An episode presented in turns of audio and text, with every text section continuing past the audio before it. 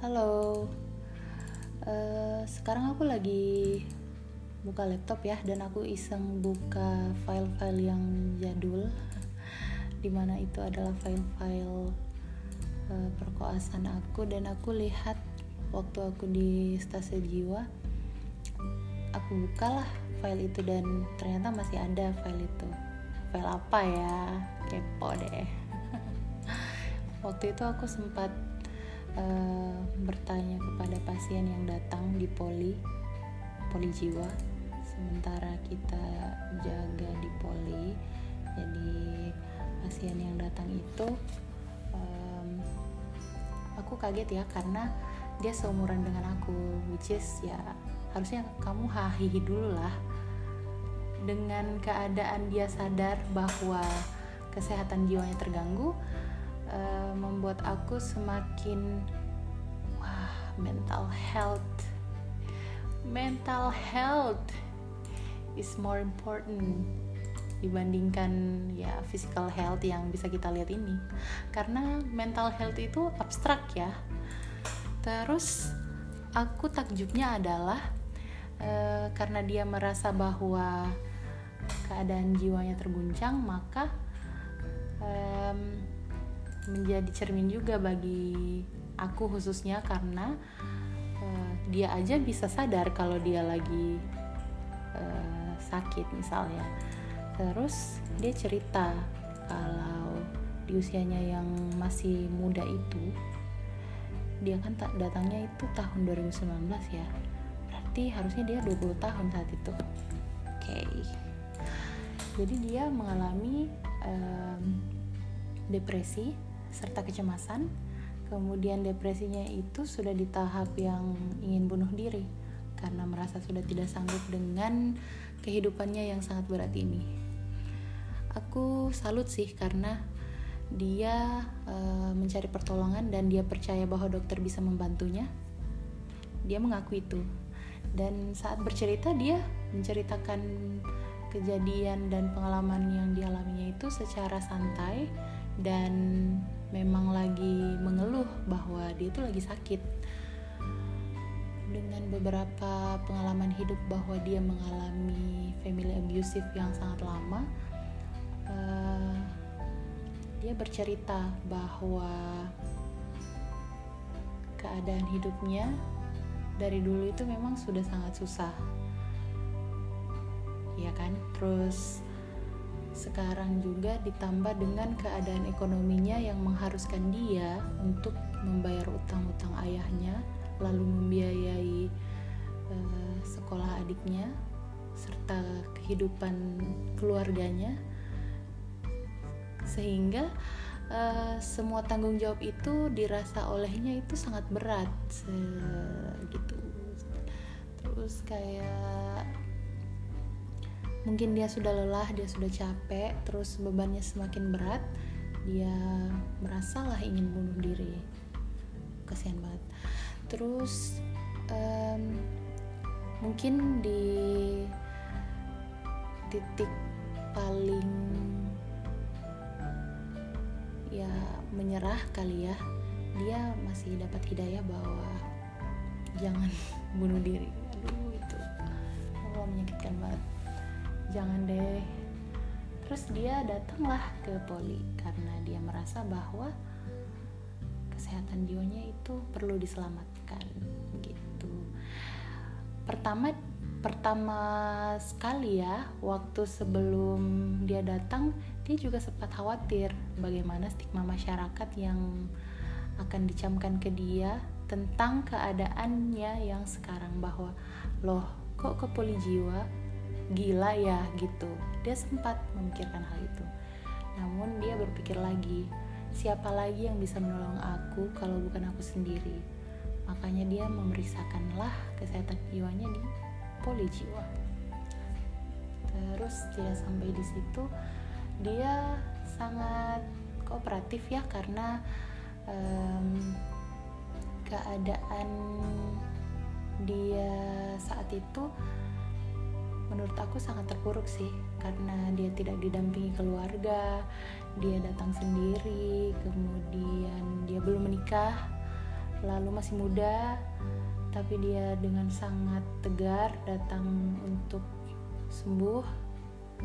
Aku nggak tahu ya sekarang dia kabarnya gimana karena itu sudah dua tahun lalu dan saat itu aku sudah pindah ke stase lain lagi.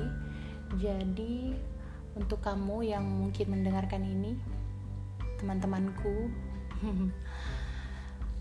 kesehatan jiwa itu penting tahu. Kesehatan jiwa itu um, perlu disadari bahwa ketika sudah tidak di, tidak di tidak bisa ditolong lagi maka itu akan bisa mempengaruhi kesehatan yang lain. Karena uh, kalau menurut aku ya kesehatan jiwa itu kan abstrak gak bisa kelihatan. Jadi kalau misalnya sudah ada yang aneh di diri kamu terus kamu merasa bahwa oh ini bukan aku kayaknya. Oh ada yang berbeda dari aku sekarang. Maka secepatnya lah untuk memeriksakan diri kamu. Gak apa-apa kok.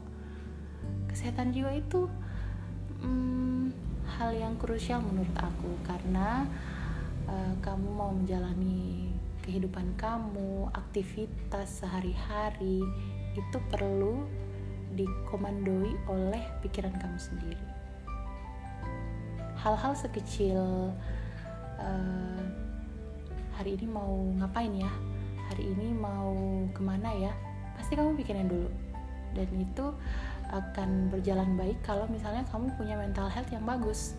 Kalau misalnya kamu kayak udah serampangan terus misalnya nggak punya tujuan bingung mau ngapain pasti seharian tuh kamu bakal bengong doang dan yang kayak aduh ngapain ya?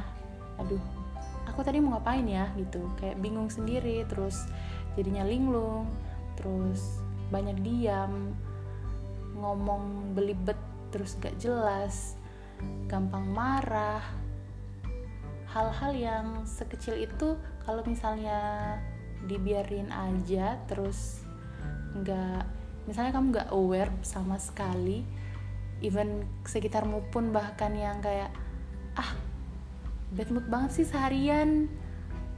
Ya gimana? Kan punya emosi orang ya kan? Emosi bisa naik turun terus hati bisa berubah-ubah. Jadi cobalah untuk mempelajari diri sendiri bagaimana uh, kamu yang sebenarnya jati diri kamu agar kalau misalnya ada yang berbeda sedikit dan agak melenceng kamu bisa segera sadar bahwa itu terkadang dari kesehatan jiwa yang terganggu. Hmm, aku setelah bertanya kepada pasien itu uh, aku mengucapkan terima kasih karena dengan dia datang seperti itu aku jadi lebih sadar bahwa aku harus lebih memperhatikan kesehatan jiwaku sendiri orang-orang di sekitarku orang-orang terkasihku. Lalu berbagi pengalaman juga bahwa ketika ada orang yang datang dengan keadaan yang sama aku setidaknya bisa membantu untuk mengarahkan dia berobat ke mana. Gitu. Terus ngomong-ngomong soal kesehatan jiwa ya hmm, kita tuh jarang banget sih untuk memanjakan diri sendiri self love terus treat ourselves better than anyone. Karena kita kebanyakan mau ngetreat orang lain lebih dahulu daripada kita sendiri. Bener gak? jadi menurut aku yuk teman-teman cintai diri diri. Eh cintai diri diri. Cintai diri sendiri dulu lah. Baru bisa mencintai orang lain. Karena kalau misalnya kata Kak Meira ya yang istrinya Ernest Prakasa. Makasih banget Kak Meira. Jadi Kak Meira bilang kalau misalnya kita sudah mencintai diri sendiri hmm, walaupun kita nggak hidup sama orang lain kita bisa lebih bahagia kok karena kita tahu apa yang kita butuhkan.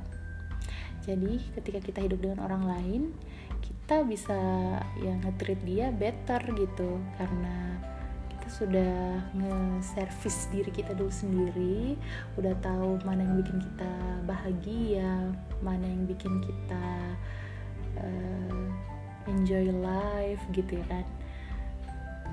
Aduh.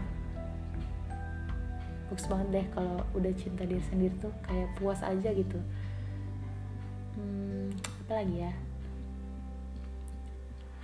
Hmm, itu aja kali ya pengalaman malam ini sangat membuat aku nostalgia. Pengalaman malam ini lagi. Ya pengalaman dua tahun lalu itu bikin aku flashback lagi soal kejadian itu. Ya terima kasih sudah mendengarkan. Bye